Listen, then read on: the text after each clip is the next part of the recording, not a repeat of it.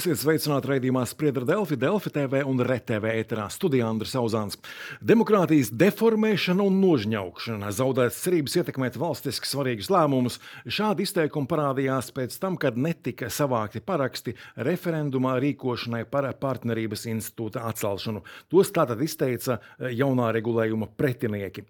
Vai sabiedrībai ir iespēja izteikt savu viedokli par strīdus raisošiem jautājumiem, vai jāmaina referendumu regulējumu? Regulējumus un sliekšņi referendumu rosināšanai, vai ļaudīm bija vai nebija svarīgi konkrētie likuma grozījumi, vai ir žēl parakstu vākšanai tērētā miljona un kādu Latvijā, Eiropā un pasaulē saredzam demokrātijas nākotni. Par to runāsim šajā raidījumā. Šodien studijām sabiedrības par atklātību dēlna juridiskā konsultante Kristā Asmusa. Sveicināti! Labdien. Un viens no šī referenduma idejas atbalstītājiem, saimnes deputāts apvienotā saraksta valdes līdzpriekšsādātājs Edvards Smiltāns. Labdien! Sveicināt, labdien!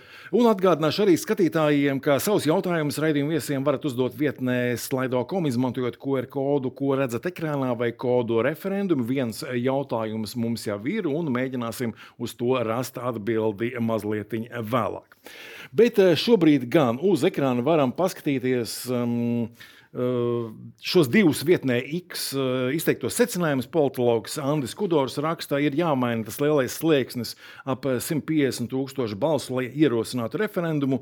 Esošā situācija deformē demokrātiju, un tam piekrīt arī aktīviste Liana Langa, sakot, ka tādējādi pie mums notiek demokrātijas nožņaukšana. Vai jūsuprāt, pie mums demokrātija tiek deformēta vai nožņaukta? Nu, manā ieskatā šāda sliekšņa noteikšana nav uzskatāms par demokrātijas žņaukšanu vai graušanu vai, vai līdzīgos demokrātijas ierobežošanu. Tāpēc jāatcerās, ka mūsu Latvijā referendums nav vienīgais veids, kā sabiedrības pārstāvji var līdzdarboties dažādos procesos. Tas ir tikai viens no tiem, un šis slieksnis turklāt arī tika pacelts vēl nu, salīdzinoši nesen, 12. gadā, kad um, nu, jā, bija šis uh, divvalodības referendums. Tāpēc Eh, tika uzskatīts, ka varbūt tas bijušais slieksnis 10,000 bija par zemu, tāpēc nu, nomainīja tagad uz 10%. Bet, um, Nu, tieši tā, sabiedrībai tāpat ir tiesības līdzdarboties, un mūsu ieskatā tie 10% nav nesamērīgs, eh, nesamērīga daļa no sabiedrības, lai konstatētu šo sabiedrības vairākuma viedokli. Eh, ir demokrātija deformēta vai nožņaukta? Es domāju, ka notiek cits process. Um, autoritāras valsts no demokrātiskām valstīm atšķirās ar vienu būtisku atšķirību. Uh, Autoritārās valstīs ir valdnieki, un demokrātiskās valstīs ir vadītāji valstīm. Un tas, kas atšķir šos divus konceptus, ka valdnieki valda ar spēku un nav svarīgs sabiedrības viedoklis, un savukārt vadītājiem demokrātijās kritiski svarīgs ir uzticības koeficients starp sabiedrību un varu. Un tas, kas ir noticis pēdējā pusgada laikā, ir sevišķi šīs uzticības saites ir nopietni grauds. Nu, piemēram, prezidenta krēsla pārdošana, šī tirgošanās, eh, vēlēšanās skaidri pasaka, ka Lemberga nekad, un, un viņš ir pirmais, kam teiksim, pārdod vietu valdībā. Ja? Un šis uh, veids, ne, pat ne par saturu runājot, bet veids, kā grūda cauri šos grozījumus notariāta likumā, tas uh, grauj šo uzticības tiltu. Un tie ir tādi brīdinājumi, signāli, es domāju, kur es domāju, Arnēs Kakniņš ļoti labi pateica, ka šis pulss, jeb eh, sirdspūksti demokrātijai, viņi paliek vājāki. Proti, ar katras vēlēšanas vienmēr atjauno šo uzticību varai, un tad tā uzticība dils līdz nākamajām vēlēšanām. Šī atjaunošanās aizvien mazāk ir un sabiedrība kļūst inertāka pret politiku, politikas procesiem, līdzdalība mazinās ar katrām vēlēšanām, karš mazliet pēdējās saimnes vēlēšanas pacēla, bet principā tā līkne ir lejupējoša. Ja? Tāpēc trauksmes zvani ir saistībā ar demokrātiju. Un šodien, kad autoritārisms gavilē, tepat aiz robežām mums ir viss jādara, lai šos demokrātijas principus nosargātu. Bet uh, tieši tas partnerības regulējums bija tas, kur dēļ tie trauksmes zvani bija jāzvana. Nē, tas ir viens no uh, nu, vairākiem tādu sekvencēm, kas šobrīd notiek. Uh, kur ir acīm redzami jūtams arī es regulāri izmantoju iespēju braukt ar cilvēkiem, runāt. Un cilvēkos ir daudz lielāka apātija nekā jebkad agrāk. Ja? Proti, tā politika, nu, mēs paši redzam, politiķis, politiķi sēž ēterā un saka, nu, tā jau tikai bija priekšvēlēšana retorika. Mēs izdarījām diametrāli pretēji, pa 180 grādiem citādāk nekā mēs solījām, bet tā bija priekšvēlēšana retorika. Es domāju, tas ir ārkārtīgi bīstami vispār kaut ko tādu apgalvot un argumentēt ar šādiem argumentiem, tāpēc ka politikā vārdam demokrātijās vārdam ir jābūt nozīmei. Un politika vispār ir par vārdiem, par politiķu izteiktiem vārdiem, idejām, konceptiem un viņu virzību. Un, ja tas nesaskan, ja politiķis var nomainīt savu viedokli trīs sekundēs un, un teikt, ka tas ir normāli, tas nav normāli. Un tas grauj demokrātiju un valstiskumu. Par šiem apātijas iemesliem, kādas jūs saskatāt? Es eh, apatijas iemeslu varbūt grūti komentēt, bet kopumā par teikto es gribu tikai pateikt, ka man šķiet, tie visi ir ārkārtīgi spēcīgi argumenti tam, kāpēc cilvēkiem ir nepieciešams vairāk līdzdarboties politikā pašiem. Jo mēs zinām, ka mums Latvijā šie rādītāji ir ārkārtīgi zemi. Un man šķiet, ka tas, šī situācija un tas demokrātijas stiprināšana būtu vairāk veicama caur šo lielāku politisko līdzdalību. Savukārt, jā, ja mēs runājam par cilvēkiem, ir zaudējuši ticību. Tāpēc viņiem ir pašiem jāiet darboties, jādarbojas politikām, pašiem jābūt tiem politikas veidotājiem. Jo sabiedrība šobrīd, manuprāt, gaida, ka ka viss tiks izdarīts viņiem par labu, tā kā viņi to ir iecerējuši un vēlas, un politiķi to izdarīs viņu vietā, bet nu, varbūt tad ir laiks vairāk pašiem sarosīties un celt to politisko līdzdalību.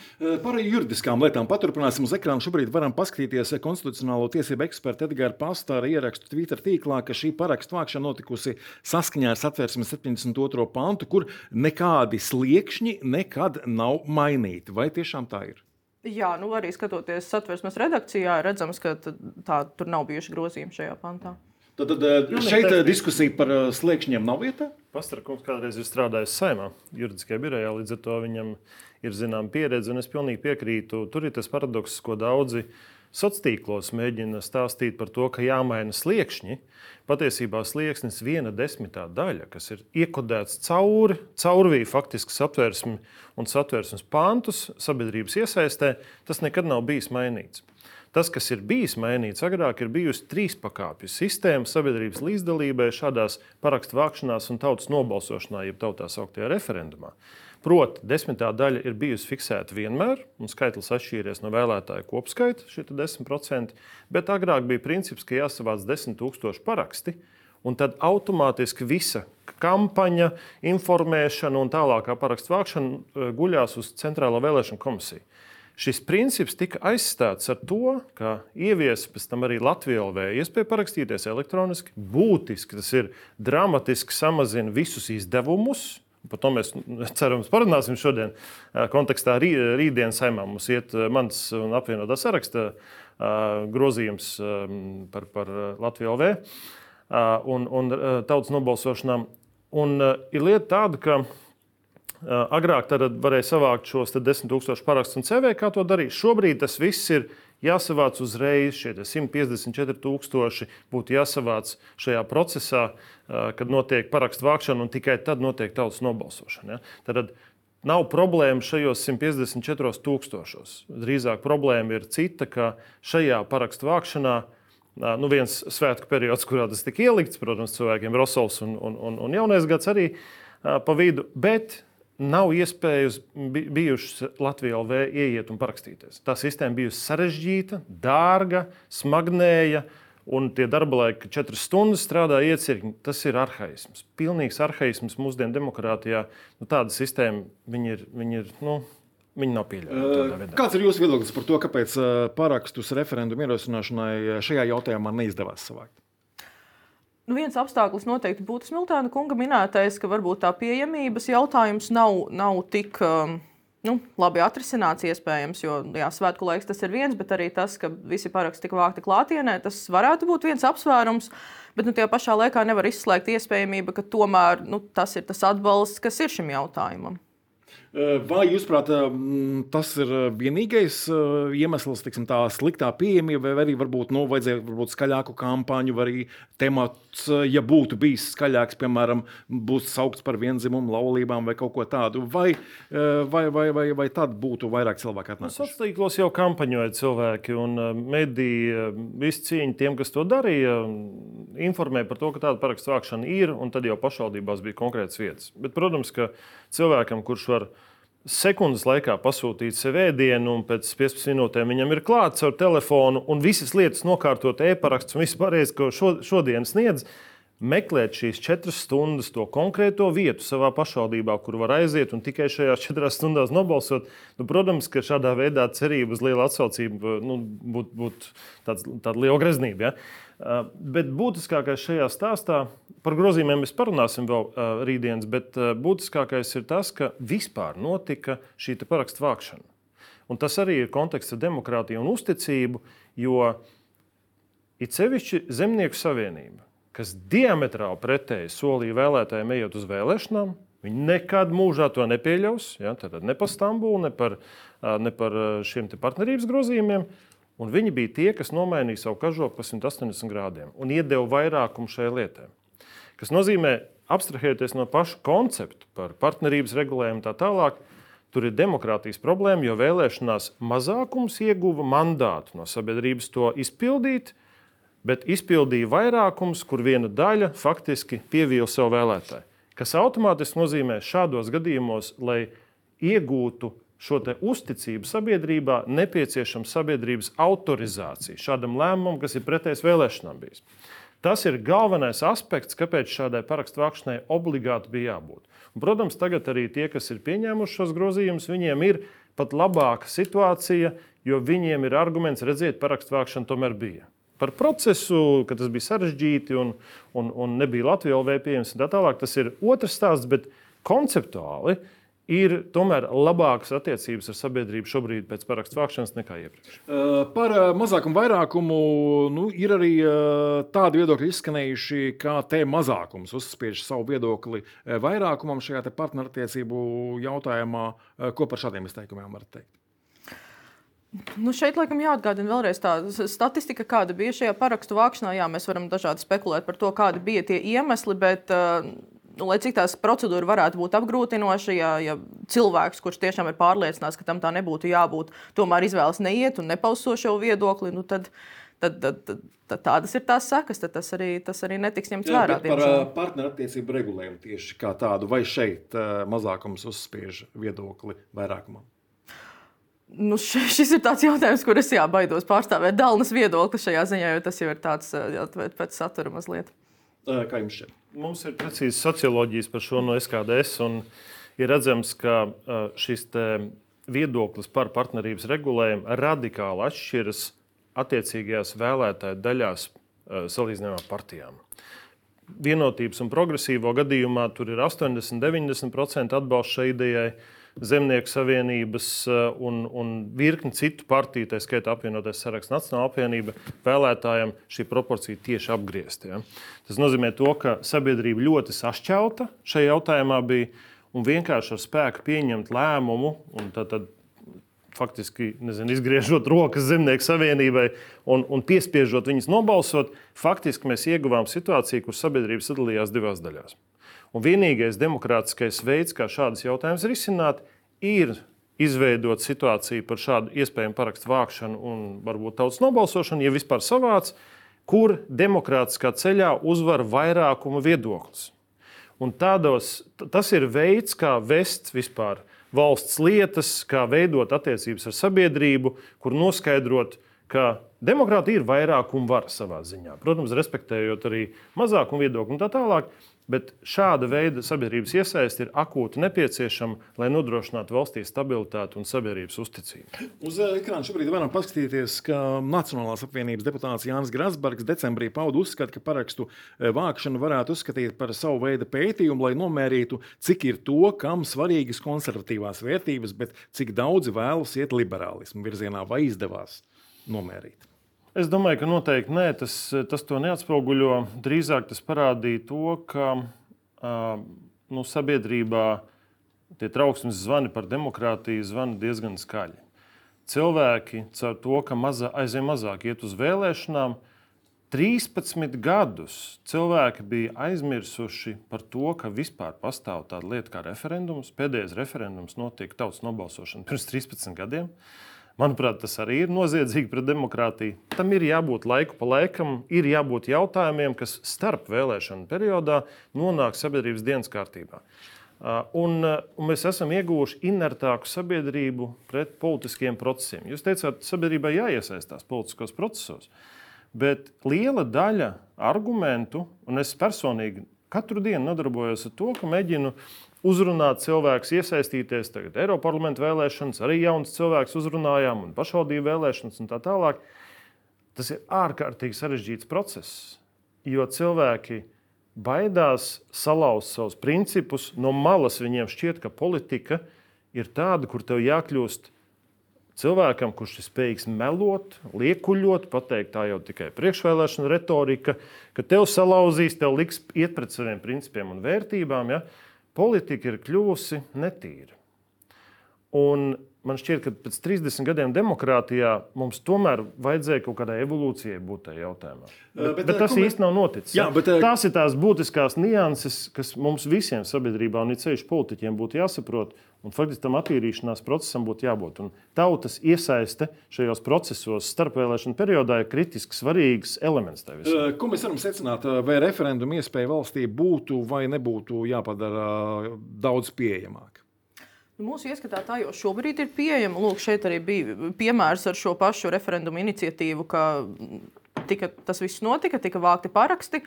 Paraksti netika savākti pietiekamā skaitā. Tas, tas liek domāt, ka nav pietiekami daudz interesantu sabiedrības vidū šī jautājuma risināšanai, kas nozīmē, ka man šķiet tā arī ir lieliska demokrātijas izpausme. Uz ekrāna šobrīd Tūdaļ varēsim vēlreiz paskatīties uh, to iespēju, ka jūs varat savus jautājumus uzdot uh, portālā slaido.com, izmantojot QR kodu vai um, kodu referendumi. Un uh, šeit arī ir jautājums, vai tas ir normāli, ka pašvaldības pārstāvis satiekot iedzīvotājus aicināja parakstīties ar tekstu. Noteikti ir jāparakstās, bet nepaskaidrojot par ko. Tas manā ieskatā nebūtu normāli. Tie būtu jau risināms jautājums par kaut kādu ētikas normām pašvaldībā, jo tā aicināt uh, iedzīvotājus nepaskaidrojot ne par ko un ka noteikti ir jāparakstās, nu, tas noteikti nav tāda pieņemama rīcība. Uh, otrs skatītāja jautājums ir vairāk nu, viedoklis, uh, kad Latvijā beigsies bolševisms, kam cilvēktiesības ir pie kājas. Jautājums, ko šis cilvēks šis konkrēti domā. Ir, es pieļauju, ka šeit ir domāts šis partnerattiecību regulējums. Mm, jautājumā par cilvēktiesībām. Es pieļauju. Jautājumā par cilvēktiesībām. Nu, uh, ja man, man ir grūti komentēt to jautājumu. Ja? Jā, jā, Tur vajadzētu jā. specifiski. Mm -hmm. Uh, vēl tātad uh, uz ekrāna šobrīd varam paskatīties, kā parakstu vākšana pret, uh, pret partnerību budžetam izmaksāja 1,6 miljonus eiro. Vai varam uzskatīt, ka tas ir labi iztērēts miljons? Es domāju, ka mēs varam uzskatīt un atzīt, ka tāda ir demokrātijas cena. Tas, tas, protams, tas maksā, šie procesi maksās naudu, tas nav noliedzams. Jautājums, protams, ir par to, vai varbūt ir iespējams kaut kā uh, efektivizēt šos procesus, jo šajā gadījumā uh, Centrālā vēlēšana komisija bija iesaistīta gan šajā sākuma posmā, gan ja arī savākt šos nepieciešamos parakstus, tad būtu vēl viena organizēta šī parakstu vākšana, kas nozīmē, ka tā būtu vēl lielākas izmaksas. Tā ka es domāju, ka ir jāskatās un varbūt jārisina šis jautājums par procesa efektivitāti, bet nu, tā ir demokrātijas cena. Vai labi iztērēts miljons? Uh, nu, es te skatos, ka mēģināju atrast konkrētu. Ir, ir žurnālisti, kas rakstīja uh, Twitterī, ka redziet, kā ir um, uh, faktiski iztērēts viens miljons, un daži pat uh, kaut kā filozofē par tēmu, ka tiem ierosinātājiem būtu jāatmaksā šāds miljons atpakaļ. Man, man godīgi sakot, fascinē, es esmu žurnālistu ētikas kodeksu lasījis, un man pat fascinē, ka atļaujās žurnālisti kaut ko tādu teikt par to, ka demokrātijas procesos parlaments ir izmantojis iespēju sabiedrībai pajautāt viedokli, Jā, tas ir maksājis naudu. Un tas varēja maksāt 20 reizes mazāk, ja būtu Latvijā vēl iespēja bijusi nevis šāda iecirkņa. Bet tā ir demokrātija. Un, un, un tā ir demokrātijas cena. Ja? Un sabiedrības līdzdalība ir akūti nepieciešama, sevišķi, kad mums ir kara apstākļi. Kad sabiedrības uzticība valdībai ir izšķirošs faktors valsts drošībai. Ja? Tad šādiem, nu, šādiem argumentiem vienkārši par kaut kādu to miljonu liederību tērēšanā viņiem vienkārši nu, nebūtu jābūt. Tad jau drīzāk būtu jārunā par Krišāņu Kariņu 1,36 miljoniem, ko viņš iztērēja šajos lidojumos, kur 67 tūkstoši stundu 20 lidojumus uz Varšavu maksāja. Eh, nu, tā, tā, tā ir tā lieta, kas arī grauj mazliet to sabiedrības uzticību kopējām. Vēl mums ir skatītāja jautājums, kuru varam paskatīties šobrīd uz ekrāna. Kā var apgalvot, ka sabiedrības interesē nav pietiekama, ja nav bijis sabiedrisko un citu lielu Latvijas mēdīju atbalsts, lai informētu par parakstu vākšanu? Kā jums šķiet, vajadzēja kaut kādu īpašu atbalstu? Nu, kaut kā, noteikti kaut kāds atbalsts ir nepieciešams, lai šo ziņu nogādātu pie sabiedrības, bet tā jau man šķiet ar šo parakstu vācēju, to iniciatoru atbildība un viņu teiksim, vēlme tos parakstus arī savākt. Tā ir iniciatoru vai, vai mēdīju atbildība. Es domāju, mēs no viena grāvja esam iekrituši otrā. Agrāk tā sistēma bija tāda, kā jau iepriekš minēju, 10,000 parakstu, un CVK organizēja faktiski informēšanas kampaņu un arī tālāko parakstu vākšanu līdz, tiem, līdz tam vienai desmitajai daļai. Šobrīd viss ir aizgājis uz pašiem iniciatoriem. Ja šī informācija tiek izplatīta no tās puses, tad tiek, ja ne, tad nē. Bet jāņem vērā, ka šādas kampaņas maksā milzu naudas. Tie ir simti tūkstoši, lai normālā veidā informētu sabiedrību. Tāpēc es domāju, Pirmkārt, ir jāatrisina rītdienas jautājums, ko es esmu iesniedzis ar apvienoto sarakstu kolēģiem, par to, ka e, ir iespēja jābūt e, šādos gadījumos, kā nu pat bija. Pēc prezidenta, teiksim, pēc saimnes trešdaļas lūguma prezidents apturēja un nodeva parakstu vākšanai, ka tur Latvijā vēl iespēja. Tas momentāli nocērt visas tās lielās izmaksas, tas, tas kļūst ļoti lēts process. Un otrs, ka ir jāatrod šis līdzsvars, kurā brīdī tomēr ir zināma pienākuma sabiedriskajiem medijiem un CVK, kas ir aprakstīti un obligāti, kas informē par šādu parakstu vākšanu. Tas ir, ir tāda normāla demokrātijas sastāvdaļa. Vēl skatītāja jautājums, kuru varam atkal paskatīties uz ekrāna. Vai Smiltāna kungam nešķiet, ka šī parakstu vākšana tomēr pietiekami labi parādīja, ka partnerības jautājums nav tas, kas patiesi uztrauc sabiedrību? Es domāju, daļēji jā, un daļēji nē. Man vispār ir no laika gala šķits. Mēs ļoti labi atceramies visu to vasaras ārprātu, kas bija par, par valdības maiņu, kur priekšplānā kā absolūti prioritārie jautājumi valstī, kad šobrīd mums ir kara situācija, mums ir ekonomikā milzīgas problēmas, nokļūt divi jautājumi - tas ir Stambulas konvencija un partnerība. Tas bija pāri visam ar absolūti augstāko prioritāti. Un, uh, un citi partneri koalīcijā ar tādu neizpratni skatījās, ka nu, kāds var būt, ka enerģētika, ekonomika, drošība, armija, iekšlietas, nu, tam ir jābūt šobrīd top viens. Ja? Tad problēma politikā šīs prioritātes pareizi sarindot, viņi šobrīd ir ļoti izteikti. Tam es piekrītu. Un arī un, un sabiedrībā, protams, ka runājot ar, ar cilvēkiem, skaidrs, ka viņiem šobrīd viņu labklājības līmenis ekonomika, drošība, eh, veselība. Tie ir tie primārie jautājumi, kas interesē. Un šis ir kaut kādai sabiedrības daļai, viena, vienā pusē un otrā. Jā, aktuāls jautājums, bet tā noteikti nav prioritāte. Ir šis jautājums svarīgs, ir šis jautājums tāds, kas uztrauc tiešām sabiedrību? Jā, noteikti. Nu, sabiedrībā labi, atkal šī varbūt nav tieši Dēlnas kompetence, bet sabiedrībā noteikti ir vērojams tas, ka šis ir šobrīd aktuāls jautājums. Un lūk, šī informācija arī tas, ka teiksim, drošība un šādi jautājumi, kam vajadzētu noteikti būt, būt prioritātei, ka sabiedrībā tomēr ir ir, ir šādas lietas arī ļoti aktuālas. Vai šobrīd vēl ir kādi citi, nezinu, juridiski vai kaut kādi vēl citi instrumenti, lai partnerattiecību regulējums jūlijā nestātos spēkā? Vai šobrīd samierināties ar domu, ka tas stājas spēkā? Nē, es domāju, viņš stāsies spēkā. Iespēja sabiedrībai izteikt viedokli ir bijusi. Ja, mēs varam vērtēt, vai tur bija pareizi tas viss organizēts vai nē. Vai, vai, vai tam līdzīgi. Par to mēs noteikti parunāsim turpmākajās saimnes sēdēs ar, ar jau konkrētiem grozījumiem, sistēmiskiem. Bet sabiedrībai iespēja izteikt viedokli bija. Sabiedrība ir runājusi, demokrātiski tas ir fiksēts, un tātad šie grozījumi stājās spēkā. Un es domāju, ka laiks ir ķerties klāt pie daudz nopietnākiem jautājumiem. Budžetā arī iekšlietām nav iedots tas finansējums, kas ir nepieciešams, lai mēs spētu nodrošināt vispār, ka mums ir policisti un daudzi citi jautājumi. Vienkārši jāiet tālāk. Šis jautājums ir, manuprāt, slēgts. Slēdzam šo jautājumu, vai, vai ir tomēr vēl kaut kādi juridiski veidi, kā, kā apturēt stāšanos spēkā? Nu, nē, šajā gadījumā es arī piekrītu Smiltāna kunga teiktiem, ka sabiedrībai bija iespēja izteikties. Arī deputāti izmantoja tiem satversmē noteiktās tiesības inicijēt šo parakstu vākšanu. Tā ka, jā, es domāju, šis posms ir iziets un, un, un tagad, jā. Uz ekrāna šobrīd varam paskatīties, ka tikmēr mums ir arī cita parakstu vākšana par saimnes atlaišanas referendumu referendumu. Kādu iznākumu šai parakstu vākšanai paredzēt? Ļoti grūti spriest. Ja būs fundamentāls valdības kļūdas, kas ik pa laikam indikatīvi parādās, tad šis skaits var būtiski pieaugt. Ja to kļūdu būs mazāk, tad viņš pieaugs, protams, ar mazāku, mazāku tempu. Bet kas ir interesanti šajā stāstā? Parakstu vākšana par saimnes atlaišanu, viņai termiņš ir iedots viens gads. Parakstu vākšana, piemēram, par šiem grozījumiem notariāta likumā, vajadzēja viņus savākt mēnešu laikā. Viena gada laikā, lai paraksts vāktu, ir pieejama Latvijas LV un tas portāls, ar kur var parakstīties par šo. Savukārt mēneša laikā nepieciešamais, un jāsavāc jau tikpat tie 154,000. Tur nav pieejams Latvijas LV un šie iecirkņi, kas strādā pēc četrām stundām dažādos laikos.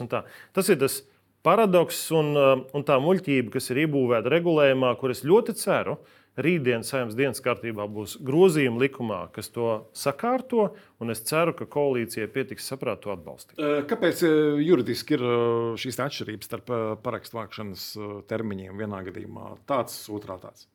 Grūti pateikt, tur noteikti ir jāskatās, kāds ir bijis sākotnējais šis motīvs satversmes šajos noteikumos, jo jāatsevišķi panti regulē to, kā, kā, vācami, kā ir vācami paraksts saimnes atlaišanai un kā ir vācami paraksti šajā gadījumā. Tā, ka, nu, šobrīd jā, būtu tikai spekulācija to minēt.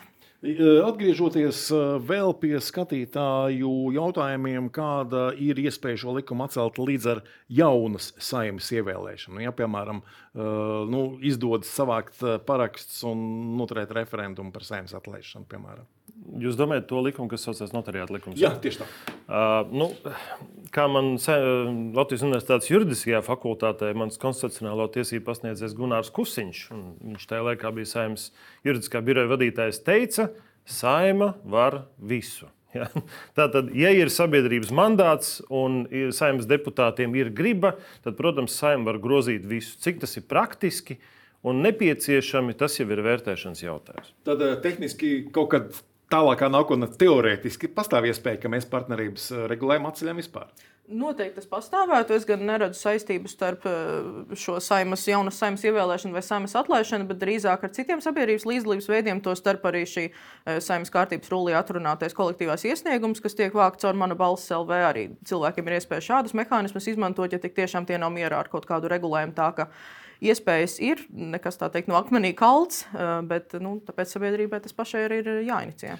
Kopumā runājot par Latvijas referendumu pieredzi, vai tas sāpīgais referendums par krievu valodu kā otru valsts valodu ir nu, kaut kā radījis teiksim, bailes vai vismaz alerģiju pret referendumiem, politiķiem? Vismaz. Iznākums jau bija ļoti pozitīvs, jo es arī piedalījos šajā referendumā, es aģitēju, un, un, un es jau tad faktiski sāku savas politiskās gaitas šajā laikā. Nopietni, un es domāju, ka tas lielā mērā arī slēdza šo jautājumu un diskursu starp krievu valodīgo daļu un, un otru pusi par krievu valodu kā otru oficiālo valodu. Bija referendums, tauta aizgāja ļoti plašu pārstāvniecību, tika pieņemts lēmums, un tēma ir slēgta. Viss Ja, tad, manuprāt, tas referendums pat bija nevis trauma, bet tas bija veselīgs process, kurā sabiedrība pateica savu verdiktu un pieņēma lēmumu. Un šodien es neesmu dzirdējis vairāk filozofijas nopietnā līmenī par to, ka mums vajadzētu krievu valodu teiksim, izveidot kā iekļaut uh, satversmē kā, kā otru oficiālo valsts valodu. Tas vienkārši ir slēgts jautājums, un tā tas nekad nebūs. Mazliet trauma vai veselīgs process? Es piekrītu tam, ka tas varbūt bija vajadzīgs process, bet tajā pašā laikā tas arī bija tas stimuls, kas lika pārdomāt šos sliekšņus, tāpēc ka tas teikt, atvēra acis uz to, cik, cik viegli ir, ir ierosināt šādas lietas, kas ir acīm redzami pretēji Latvijas satversmē nostiprinātajām vērtībām. Tāpēc arī jā, man šķiet, ka tas esošais slieksnis un, un šis esošais process atbilst tam, ka ir nepieciešams noskaidrot sabiedrības tiešām nu, pārliecinošu, neteiksim pārliecinošu vairākumu, bet lielā, lielas daļas sabiedrības viedokli, lai vispār šo procesu inicijētu. Tāpēc, ka, nu, jā, rezultāts bija šajā gadījumā pozitīvs, bet uh, tas, ja šis jautājums ir slēgts, nenozīmē, ka citi jautājumi nevarētu atvērties, ja būtu tāda pati sistēma. Vēl gribējās arī par citu veidu referendumiem parunāt. Uz ekrāna varam paskatīties ziņu, kā vietējo pašvaldību referendumu ieviešana atlikt līdz uh, 24. gada 1. septembrim. Kāpēc mums līdz šim šādu referendumu nebija un kāpēc tā atlikšana? Kāpēc šobrīd, tā ieviešana kavējas? Šobrīd, šobrīd Saimnes pašvaldību komisija tieši strādā pie šī jautājuma. Arī Saimā virzās balsojumos cauri šis attiecīgais likumprojekts. Un, Labā lieta, ka šis viss stāsies spēkā un sabiedrībai būs iespējas iesaistīties ne tikai lemjot par oficiālo valsts valodu un tādiem lieliem jautājumiem, bet ir ļoti svarīgi, jūs pati minējāt, ka ir vajadzīgi cilvēki politikā. Es domāju, ka paplašinam šo tēzi, ka vajadzīgi cilvēki vispār valsts lietās, pašval, savas pašvaldības lietās. Ja? Tad, un sākums ir ar iesaistīšanos kādā nevalstiskā organizācijā, tad ārpus savas mājas robežām kaut ko izdarīt, ārpus savas ģimenes robežām. Tas nozīmē, ka, ja ir lemšana, kur atrasties spēļu laukumam, vai vajag teiksim, darīt to vai šo, vai apgaismojumu konkrētā ielā, vācam parakstus. Ja, tas ir tas normāli, tas ir demokrātijas process. Un, ja pašvaldībā ir kādi jautājumi izlemjami, tad, uh, kur ir ļoti svarīgi arī sabiedrības viedokli noskaidrot, tas ir īstais instruments, kā to izdarīt. Nu, pēdējais ir tur gan diezgan dīvains, tas formulējums beigās bija, bet uh, ATR, tādā administratīvā teritoriālajā reformā, palika vairāk neizdarīt mājas darbu. Viens ir Varakļāns, bet otrs, kas ir ļoti sāpīgs jautājums priekš tiem iedzīvotājiem, ir Garkalna kur nonāks Garkalna. Vai viņi vispār sadalīs, vai viņi vienā gabalā pie ādažiem vai pie robežiem. Ja? Un tad bija šī sabiedrības aptauja. Piedalījās ļoti, ļoti maz cilvēku, bet savukārt tie, kas piedalījās, dominējoši pateica, ka viņi grib pie ādažiem. Ja? Savukārt tos rezultātus īsti vērā neņem, tur daļēji viņas ņem, ja? un lēmumu aiziet pretēji. Šāds referendums ir īstais instruments ar iespēju parakstīties lai noskaidrotu sabiedrības viedokli, un tad tie procesi kļūst daudz skaidrāki. Un uzticamība arī uzreiz izveidojas. Pašvaldību referendumu sen jau vajadzēja? Uh. Jā, noteikti pašvaldības līmenī noteikti nepieciešami šie līdzdalības mehānismi. Prieks redzēt, ka pašvaldību likumā līdz ar pagājušā gada sākumu vairāk šādi ir ieviesti. Uh, Uh, pašvaldību referendums uh, laikam jau jāpriecājas, ka netika atlikts uz vēl vēlāku laiku. Bija jau jāstājas spēkā šī gada sākuma, bet nu, es saprotu, tur laikam tehniski nevarēja nodrošināt šo, šo balsošanas platformas vai ko līdzīgu. Tāpēc, nu, Nu, vismaz šajā gadā stāsies spēkā. Tas man liekas, ir ļoti laba zīme, bet es arī jā, pilnībā piekrītu Smiltāna kunga teiktajam, ka ir jāveicina tā sabiedrības iesaiste vispār, ne tikai politikā, ne tikai uh, Eh, konkrēti tiešās demokrātijas procesos, bet, bet arī šādi vienkārši kaut vai aktīvi līdzdarbojoties. Tāpēc ir ļoti atzinīgi novērtējams tie līdzlības mehānismi, kas mums ir pašvaldību likumā. Kāpēc arī es uzskatu, ka referendums ir tas augstākais, kam ir ļoti adekvāti sliekšņi noteikti, tāpēc ka tomēr sabiedrībai ir ārkārtīgi daudz mehānismu, kā līdzdarboties arī, arī zemākos līmeņos. Eh, gribēju par eh, vēl vienu aktualitāti saistībā ar demokrātiju parunāt. Palestīniešu atbalsta piketa aizliegšanai. Ir vai nav te demokrātijas ierobežojumi? Nu, mēs redzam, ka šis jau ir drošības dienesta kompetences jautājums, jo šo tematu mēģina dažādi izmantot arī nu, spēki ārpus mūsu valsts robežām. Ja? Ukrainas tēma, Izraels, Palestīnas jautājums, ja? Hamas. Tie visi ļoti sensitīvi jautājumi, un drošības dienestiem noteikti šeit ir teikšana. Ja viņi teica, ka tas bija jāierobežo, tad tas ir arī pareizi šajā gadījumā. Bet uh, varbūt drošības dienestiem gluži vienkārši ir vienkāršāk pateikt, uh, aizliedzam, tad, tad, ne, tad drošības... mazāk izdevumu par uh, pol ne, droši... policiju nevajadzēs un tam līdzīgi. Uh, man arī pildot pienākums savulaik vēl kā saimnes priekšsēdētājiem Nacionālās drošības padomē, un šobrīd joprojām es Nacionālās drošības komisijā, es varu teikt, drošības dienestā nestrādā. Drošības dienesti rūpīgi vērtē ziņojumus, riskus, šos riskus faktiski izvērtē un noceno. Un uz, tā pamata, un uz tā pamata izdara lēmumus, eh, kur viņi iesaka rīkoties tā vai šādi, jau politiskiem amatpersonām pieņemot konkrēts lēmums. Tad, ja eh, drošības dienesti ir pateikuši, ka tur pastāv riski un viņi ieteiktu eh, neatļaut šādu lietu, tad tas visticamāk ir pamatots un, un lēmums ir pareizs. Ir šajā gadījumā demokrātija ierobežot vai nav? Nu, šis ir ārkārtīgi sensitīvs jautājums, un vienmēr jāatcerās, ka, ja no vienas puses varētu likties, ka ir kaut kāda riska demokrātijai, tā pašā laikā jāatcerās, cik uh, sarežģītos apstākļos mēs šobrīd dzīvojam, un tiešām šobrīd šie drošības riski ir, ir diezgan lieli, un tāpēc tas tomēr ir jāvērtē primāri, un tāpēc arī nu, jāuzticas drošības uh, dienestu veiktajam darbam šajā jautājumā. Un eh, noslēgumā vēl paspēsim vienu skatītāju jautājumu uzdot. Eh, mēģināsim varbūt eh, pavisam īsi atbildēt, kāpēc nepieņemt Šveices referendumu pieredzi, kāpēc politiķi baidās no referendumiem. Labs jautājums. Es esmu kopumā par lielāku sabiedrības iesaistu un redzot šo ļoti negatīvo tendenci sabiedrības uzticamībā vispār valsts varai. Šī plaisa veidojās ar gadiem aizvien lielāka, sabiedrības iesaiste būtu aizvien lielāka nepieciešama. Un šī sasaiste gan pajautājot sabiedrībai viedokli starp vēlēšanām, gan, un es vēlēt, vēlētos arī pieteikt vienu citu jautājumu, mums ir jādiskutē, un es viņu labprāt lieku galdā šo jautājumu par vēlēšanu sistēmas korekcijām kas pietuvinātu sabiedrību deputātiem un varai, kas iedotu lielāku sasaisti ar šiem cilvēkiem.